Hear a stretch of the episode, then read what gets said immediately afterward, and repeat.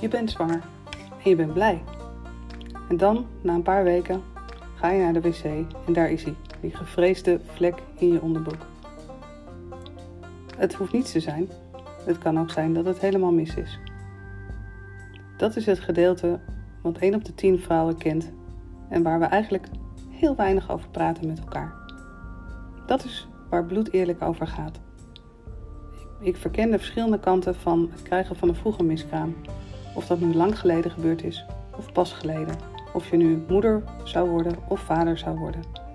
Iedere maand een andere invalshoek en een ander aspect van een onderwerp waar we veel meer over moeten praten, zodat het voor iedereen een klein stukje makkelijker wordt. Luister iedere maand naar Bloed Eerlijk.